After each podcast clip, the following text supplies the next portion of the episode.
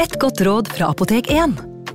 Nå er snart pollensesongen i gang, og et godt råd til deg som sliter med pollenallergi, er å begynne behandlingen i god tid før allergisesongen starter.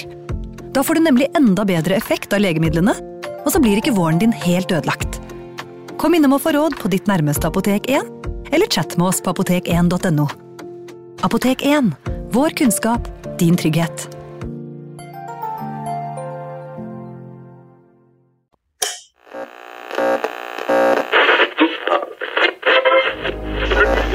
Vi skal gjenta særmeldingen i dag. Nummer én Kjerringa er galen. Nummer to På ski over lyng og kvast. Nummer tre Baklengs inn i aftensangen. Baklengs inn i aftensangen. Velkommen tilbake til eh, Likvidert og en ny episode, og i dag, Erik VM, så er det en um, omfangsrik type som skal få bøte med livet. Ja.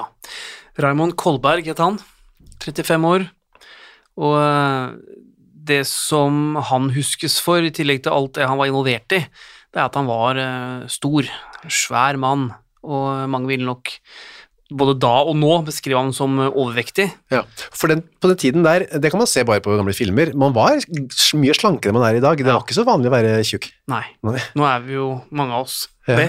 Men den gangen så var det veldig sjeldent, og hvis du var stor og kraftig, så ble du lagt merke til. Ja. Og han, han var en sånn en. Og han levde også et godt liv under krigen. Han hadde tilgang på det meste som gjorde at han ble stor. Han var også en type vel som eh, gjorde mye ut av seg på flere måter. Ja, han ble mm, lagt merke til. Han øh, hadde dere annet øh, med svartebørshandel. Gikk rundt og solgte mat og drikke, var selvfølgelig langt overpris. Og Kjøtt og melk og ost og Ja. sånne ting. alkohol, Ja. tobakk, den type ting. Og så var han også et såkalt hjelpestevnevitne ved Oslo byrett. Det betyr Ja. at han, han gikk da rundt og, og oppsøkte personer for å overlevere domsavsigelser eller innkalle dem som vitner eller gi forelegg og sånn. Så han var en type som ble lagt merke til. Og så jobbet han også da for det tyske sikkerhetspolitiet, for Gestapo. Ja, øh, og det er jo det som var på en måte hans øh, kanskje viktigste, eller iallfall den jobben som gjorde at han ble drept. Da. Ja, han var også, øhm, gjorde også oppdrag da for, øh, for den tyske militære etterretningstjenesten, Ja. Abwehr. Ja, het. Og det fikk han, det fikk han 1000 kroner i måneden for. Ja da, god, god betaling. Så Ja, det var mye på den tiden der. det var veldig mye penger. Så det var tre ganger så mye som en vanlig arbeiderlønn. Så, eh, så det skulle lønne seg å jobbe for tyskerne, for de som ville det, og, og Kolberg han tjente gode penger. Ja, han jo- jobba for den, de pengene der. Ja, altså han uh, skaffet iallfall Eller eller han ga iallfall resultater. Han var jo med på å rulle opp en, eh, en eh, motstandsgruppe eh, i Vestfold, Ja. og eh, der ble flere arrestert og, og sendt til fangelære i, i Tyskland. Så det var jo faktisk så tidlig som i mars 19, eh, 1941. Ja, for da sa han, tok han kontakt med dem og sa han at han var en radio- og sambandsekspert, Ja. og så hadde, han solgt fôr til gårder som drev med reveoppdrett. Ja. Han var, var det vi kaller en infiltratør. Altså Han gikk da inn, lurte da de andre medlemmene til å tro at han var en motstandsmann. eh, Kom da med ekspertise så tidlig så, som i mars, eh, eller som tidlig i 41, da. Mm. Så var det heller ikke eh, en vanlig metode, så man var ikke klar over det. Så han ble heller ikke avslørt. Og eh, kom da seg på inn, innsiden, og tipset da selvfølgelig eh, tysk politi om, ja. om hvem som var involvert, og hva de drev med. Det var sånn Rinnan holdt på med, med Ja. veldig stor suksess på sin måte da, i Trøndelag. Ja. Han, han ble jo ikke tatt. Nei, og, og dette kan man også si var etter hvert blant de mest forhatte nordmennene som jobbet for, eh, for tyskerne. De som lot som de var Ja. motstandsfolk. Ja, Ja. og Som drev med angiverier og, og infiltrasjon. De var de farligste, og det var også de som under krigen eh, ble forsøkt likvidert, og etterpå fikk de strengeste straffene. Han eh, gikk videre til den aksjonen som vi snakket om nå, med en annen gruppe, en eh, som drev, ble drevet en som het Sture i, i Oslo. Han, eh, da han dro hjem til han, eller der han hadde kontorer, da, Pilestredet, og sa at han ville ha gjemt unna noen geværer, blant annet et som hadde bestefaren hans hadde brukt å skyte isbjørn med på Nordpolen. Mm. Det er ganske sånn fargerik historie. Godt Ja. å finne på ting, da. Han forsøkte jo hele tiden å, å lage troverdige, eh, troverdige dekkhistorier. Ja. Eh, Dette med våpenet var jo, var det ene, og han sa også at han var involvert i, eh, i arbeid med illegale aviser. Mm. Og det var også en sånn klassiker. Og hvis han da kom med noen slike aviser da, som kanskje han hadde fått av tyskerne, eller hva det måtte være, så, så ga jo det tillit, og man kom seg på innsiden. Så her forsøkte han jo da igjen. De ble også arrestert da han Sture ble arrestert og øh, av, avhørt. Men øh, så får man jo etter hvert greie på i motstandsbevegelsen at det, det er en som heter Raymond Kolberg som går rundt og later som han er motstandsmann. Ja, Og han får advarsler. Ja, han blir advart fordi eh, man forstår at han jobber da for okkupasjonsregimet, eller for tyskerne, da som infiltratør. Og eh, det blir også eh, faktisk eh, utført noen angrep på han. Altså han blir, han, han blir slått, eller han blir angrepet, og skal da tydeligvis få advarsler mot at han skal trekke seg ut, men, eh, men han, han, han gjør ikke det. Nei. Han fortsetter dette, dette arbeidet for tyskerne, og, og blir da sett på som en enda større uh, risiko etter hvert. Ja, da er det man bestemmer at uh, han uh, må drepes. Og det var en, en nettverk som jeg ikke kjente navnet på fra før av, men noe som het 2A, Mm. som bestemte. Os- Oslo-gruppe, Ja. Som eh, var ganske eh, aktive tidlig i krigen. Ja. Bestod da av flere motstandsceller, eh, i og for seg flere fylker, men hadde da utgangspunkt i, i Oslo, og særlig på vestkanten. Men var aktiv både i, i Østfold og, og Trøndelag, Agder-fylkene og nede i Vestfold. Så Det var jo flere sånne motstandsgrupper. Alle var kanskje ikke alltid så samkjørt heller. Det var liksom en der og noen der, og så Ja. litt overlapping. Ja, sånn i ettertid så har man jo følt at det var veldig organisert og, Ja. Og sentralt sentralstyrt og sånn, men på den tida her, og i og for seg gjennom store deler av krigen, så var det jo dette løse nettverk, Mm. smågrupper som var til dels koordinert, men som også opererte på egen hånd. Og dette var blant annet med Skjøtt, Aneus og Hedvig Skjøtt. Aneus Skjøtt er jo en kjent uh, advokat, eller var, Mm. Uh, også motstandsmann. Mm. Men kona hans, Hedvig, var også da tydeligvis eh, aktiv med, da. Ja, og hun var i likhet med en del andre kvinner også mye mer aktiv i motstandsarbeidet enn man kanskje etterpå har snakket så mye om, men uh, ut fra hva vi vet om henne, så var hun, uh, hun en skikkelig tøffing, Ja. og gjorde en del eh, oppdrag med ganske høy risiko. Selv, ja. Ja, og var også med her på å bestemme at uh, Kolberg skulle tas livet av. Og den hun da gir den jobben til, eller snakker med henne om, er en ganske legendarisk type. Ja. Johannes Sigfred Andersen ble kalt også Gulosten. Ja. Han eh, var den som fikk den jobben, eller han ønsket å ta den, og han ble også da gitt det oppdraget. Så det var en blanding. Han, han ville utføre et likvidasjonsoppdrag, og de lette etter en som kunne gjøre det. Ja, og han var altså en, i hvert fall i visse miljøer, veldig kjent eh, kriminell. Ja, Spritsmugler og fengselsfugl og alltid på kant med loven. ja han var eh, Han var notorisk kriminell, faktisk. Han mm. ble dømt hele ni ganger i perioden mellom 1919 og 1937, så han var en fengselsfugl som eh, politiet visste godt hvem var, og, og som hadde vært på, på, på kamp med loven eh, Hele sitt liv. Ja, nesten hele sitt liv. Ja. Um, og han um, hadde da på en eller annen måte blitt med i motstandsbevegelsen, da, i hvert fall blitt, ja, og blitt kjent med folk som drev med motstandsarbeid. Ja, og han um, var jo også med både i noen illegale radio... Eller drev med noen illegale radiosendere. Ja. Og han hadde også oppbevart noen våpen ulovlig, og drev også og, og distribuerte og tok seg av eh, Eller mottok en del propagandamateriell, da. Så han, eh, han var eh, han var eh, involvert tidlig og ble også arrestert. Han ble det, Ja, av tyskerne. Ja, og han satt eh, fengslet både i Oslo og faktisk også i Tyskland.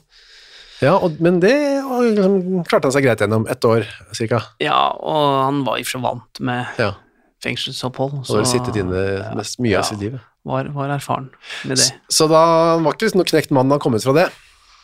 Nei, altså han kom tilbake til Norge da, fra, fra dette, dette oppholdet utenfor Hamburg, et eh, tukthus der, så, så kommer han i kontakt med hun Hedvig Skjøtt, som du, du nevnte, Mm. og, og eh, der ønsker, ønsker han jo da å gå enda mer aktivt da inn i, eh, i motstandsarbeidet. Han har lyst til å likvidere noen sånne rotter, som de kalte dem. da. Ja, han sier iallfall at han er klar for et sånt oppdrag, og uh, har jo da også pekt ut Raymond Kolberg som et mulig mål, Ja.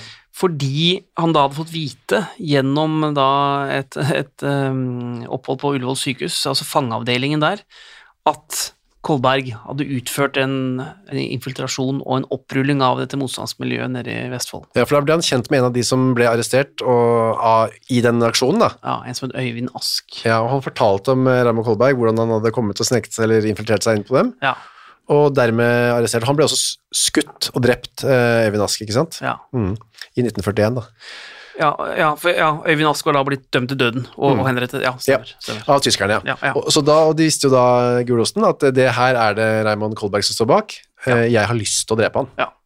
Han ville ha hevn, rett og slett. Hevn, ja. Og det ehm, han gjør da, er å snakke med Hedvig Skjøtt, som gir han en eh, pistol som han skal bruke til å ta livet av Ramón Kolberg med. Men det er ikke en hvilken som helst pistol. Nei, det er en 9 mm pistol, og den hadde jo da tidligere tilhørt eh, Fridtjof Nansen. Fridtjof Nansen, ja. altså tidenes nordmann på den tiden der. Ja, absolutt. Og hvordan eh, hadde du fått tak i den? Vet du noe om det, eller? Nei. Det, det sies ikke i rettsdokumentene. Ja, det kan godt tenkes, men uh, jeg husker ikke. Nei. Uansett, uh, her er pistolen til Fridtjof Nansen, den kan du bruke. Ja, Det var jo en pistol med et magasin Ja. som hadde plass til sju skudd. Det var ikke en eh, revolver på, eh, som man hadde sett. Nei, det var en eh, typ, Jeg antar det er en type stol hvor man kunne skyve inn et magasin da, fra inn i skjeftet. Så da er det greit, da våpenet er i hende, um, målet er klart, uh, mannen som skal drepe er klar, og alt det som ligger til rette, da er det bare å finne en måte å gjøre det på. Ja. Og da legger de en plan. Ja, De legger en plan, for dette er jo ikke en enkel oppgave. Eh, Raymond Kolberg beveger seg mye rundt i, eh, i Oslos gater. Skal man slå til mot han, så må man gjøre det da i og for seg i all offentlighet når han er ute og går. Han bor jo da med kona si i Oslo, og er ofte ute på en del av disse serveringsstedene hvor, eh, hvor tyskerne serverer alkohol. Ja. Sitter og drikker der både på dagtid og i og for seg også på kveldene. Men det de vet om Kolberg, er jo at han er glad i en god forretningsavtale når han kan kjøpe eller selge noen svartebørsvarer. Mm.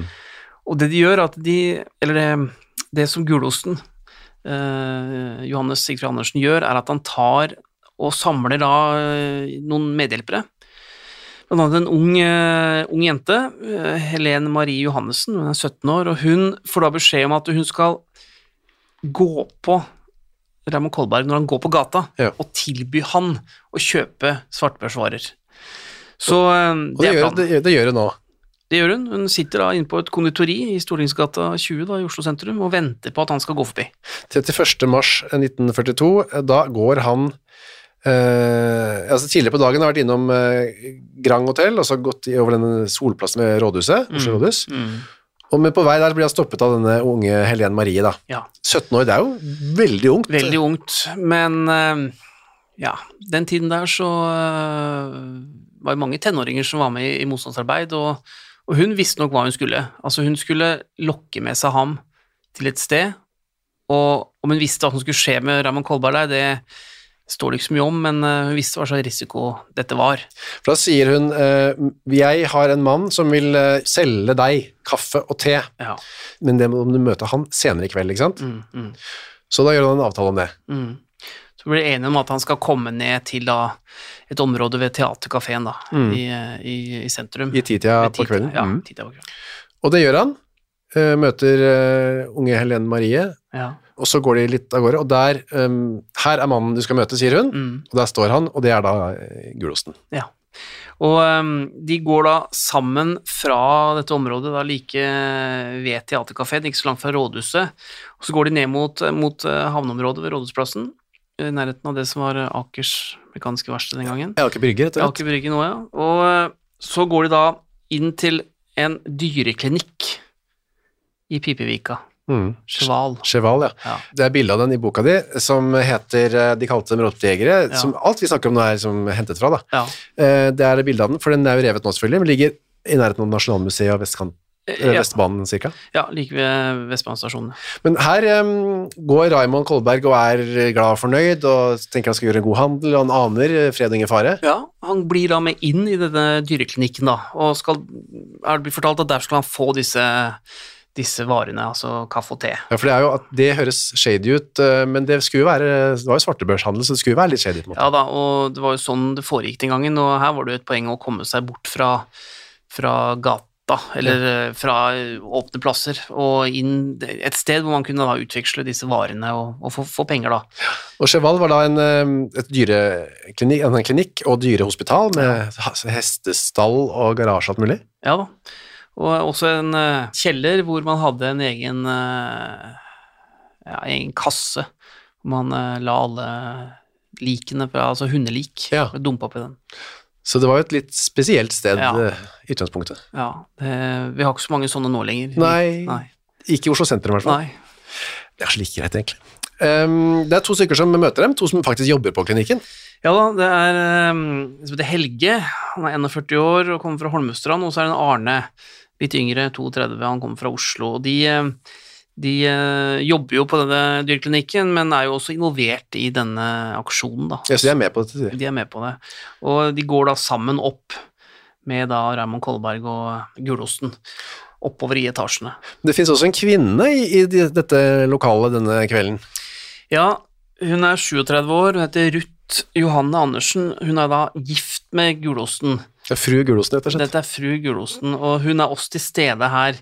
Vi vet ikke så veldig mye om hvor aktiv hun var, men øh, hun, øh, hun er til stede og er med å ta imot da disse fire mennene når de kommer inn. Ja. Så går de oppover eh, denne ryttergangen da, eh, i, ved hestene der. Ja, går opp inn, inn mot stallen. Ja. Og hva skjer da? Altså, like ved døren inn til stallen, så går da Kolberg først, eller han går iallfall foran Andersen, Ja. Gulosten, Mm. som uh, er like bak ham, og uten at Kolberg ser det, så tar uh, Johanne Sigfrid Andersen opp en, denne pistolen da, fra lomma, og løfter den da mot uh, hodet til Kolberg, men han skyter ikke. Han sier at eh, nå har du sendt mange nok i døden, nå sender du ikke flere. Og så ifølge da Gulåsens forklaring så snur Kolberg seg rundt, og så blir han skutt da på en sånn tre-fire meters avstand. Ja. Men vi vet jo altså, ingen, Det ble ikke gjort noe opptak, altså vi, vi har bare forklaringen etterpå, men det første skuddet treffer sannsynligvis Kolberg eh, rett i det høyre øyet.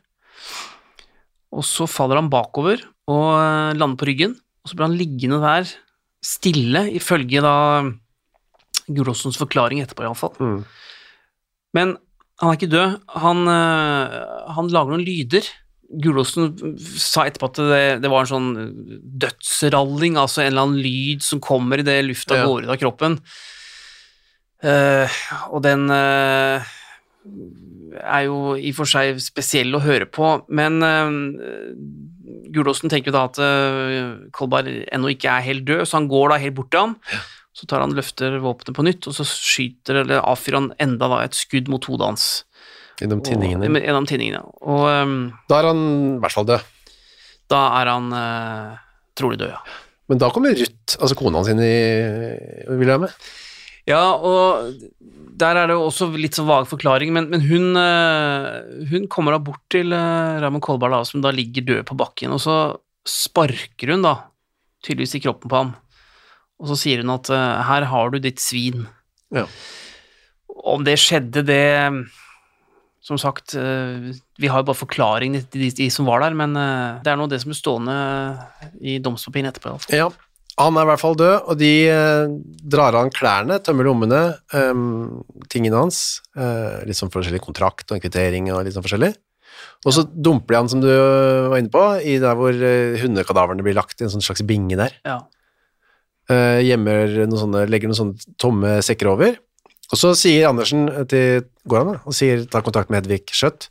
Ja. Her er pistolen til Nansen, takk for lånet. Eh, Kolberg er død. Og så sier han også at han trenger hjelp til å få fjernet da liket Ja. eh, av Raymond Kolberg, som da ligger da i denne bingen da med de, disse døde hundene. Ja, for det kan ikke ligge der. Nei, det er jo viktig å få det fjerna. Så, så det de ble enige om, er at det skal, eh, det skal da komme en lastebil neste dag klokken ti om kvelden, og så skal de da få, få fjerna det liket. Og, og den lastebilen kommer med en, en sjåfør. Ja, eh, som kalles eh, med kodenavn Knoll. Han har kodenavn Knoll, men han heter egentlig Viggo Henrik Knutsen. Ja. Men er da en sjåfør som også da er involvert i, i det her, og, og hjelper da til med å, å bære ut um, liket av Ramón Kolberg, og det er en ganske tung jobb. Ja. Han er svær. Det vi vet, er at uh, kroppen var i og for seg hel. Det ble snakket om i mange år etterpå at han var blitt partert. Ja.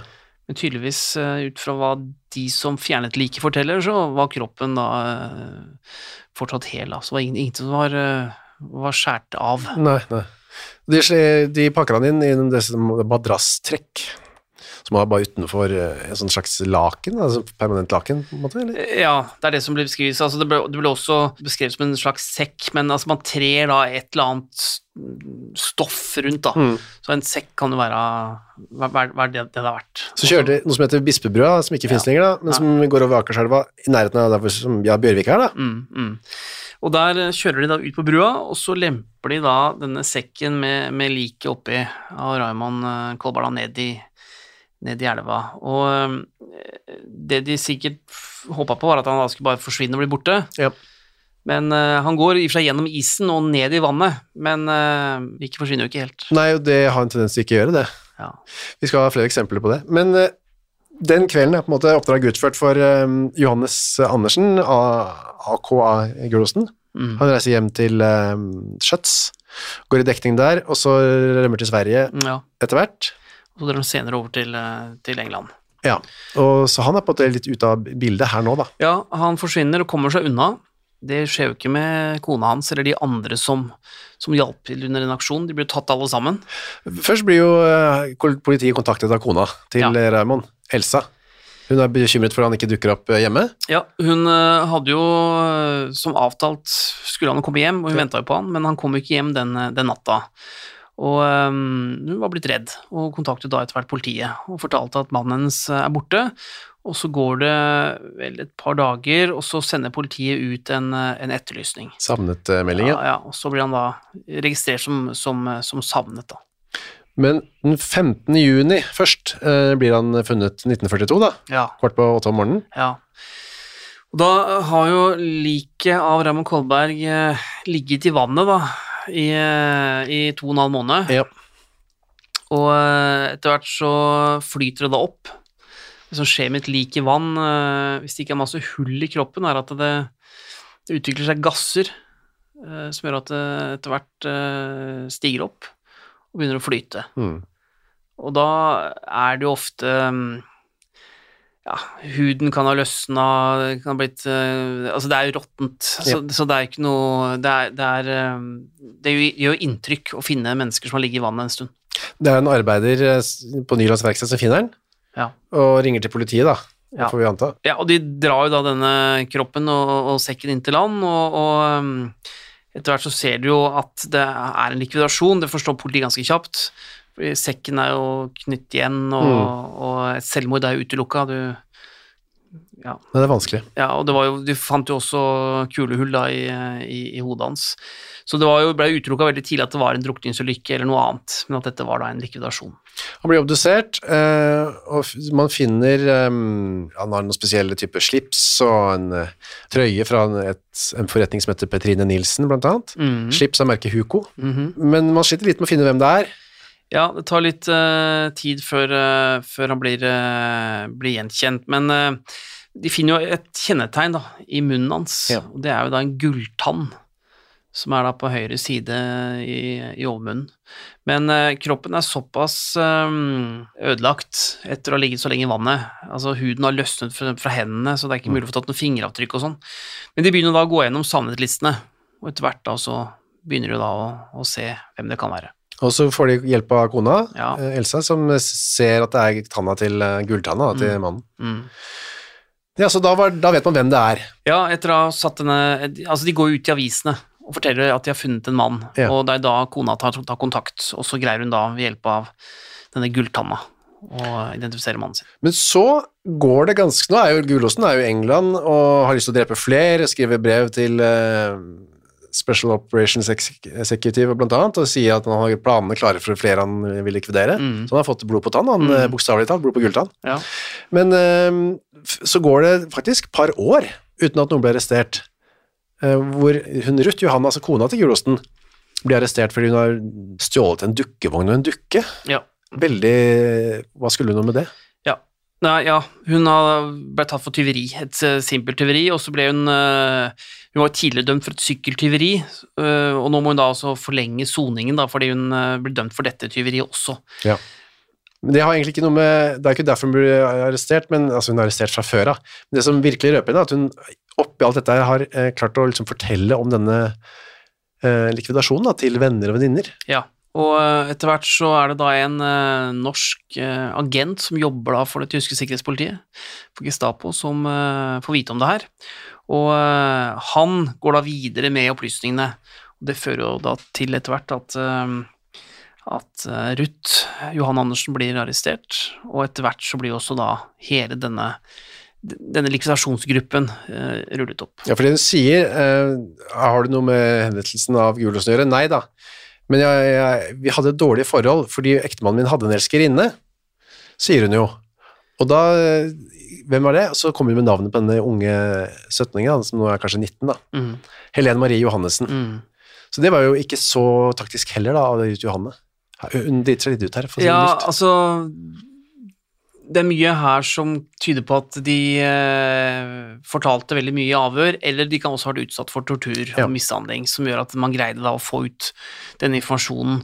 At hun snakker om elskerinner og sånn, det kan jo godt ha vært riktig, det, men eh, det virker jo som en, eh, en litt eh, rar forklaring da å komme med. Man kunne kanskje lagd seg en ordentlig dekkhistorie når man først skulle være med på likvidasjon og, og risikerte å bli tatt. Ja, men vi ser jo eksempler på at det er ikke akkurat trente agenter eh, som vi har med å gjøre her ofte. Nei, i de første likvidasjonene, som også denne er, så ser vi jo klart mønster at det er, det er ikke profesjonelle, godt trente motstandsfolk som er involvert. Nei. For det som skjer da, er at også denne Helene, Helene Marie blir arrestert, og så får man da ganske god greie på det tyske politiet, da, hva som har skjedd, som vi har vært innom, da. Ja, etter hvert så kommer innrømmelsene, og så er det litt forskjellige versjoner her, og, og det kommer jo også en del opp, eller påstander om at man hadde i og for seg eh, partert liket, Ja. drevet med ganske stygg eh, mishandling og tortur før Raman Kolberg ble drept, men dette har blitt avvist senere, og obduksjonsrapporten viser jo også at det ikke stemmer. Nei. Men her brukte jo også da um, okkupasjonsregimet og avisene denne saken for hva det har vært, for å da skape motstand uh, mot, uh, mot motstandsbevegelsen. Ja, se hvor fæle de er. Ja. Eh, Ruth Johanne Andersen, eh, disse to eh, som hjalp til på Cheval der, og Helene Marie Johannessen blir dømt til døden alle sammen, Ja.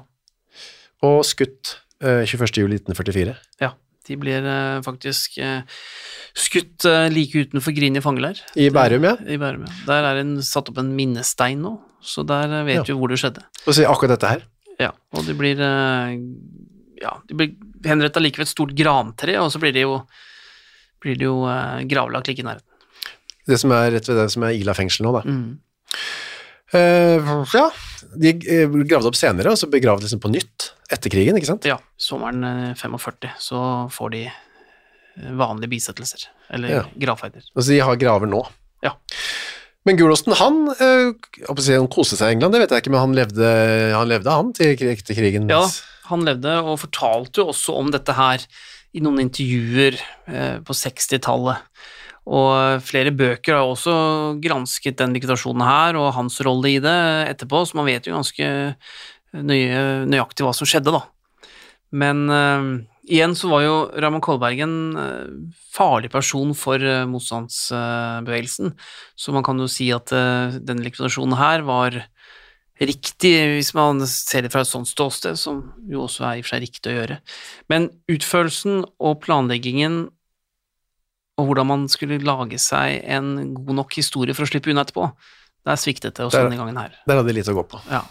Vi kommer tilbake med flere eksempler på eh, flere typer likvidasjoner senere, vi, Erik. Gjør vi. Takk, takk for denne gangen.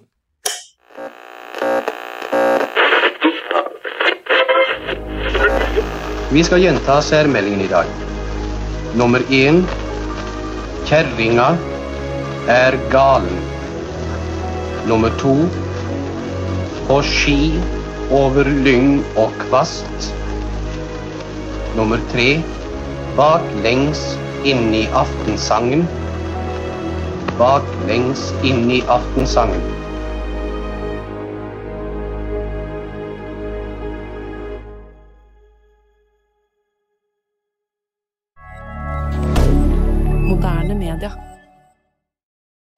Har du et enkeltpersonforetak eller en liten bedrift? Da er du sikkert lei av å høre meg snakke om hvor enkelt det er med kvitteringer og bilag i fiken, så vi eh, gir oss her, vi. Fordi vi liker enkelt. Fiken superenkelt regnskap.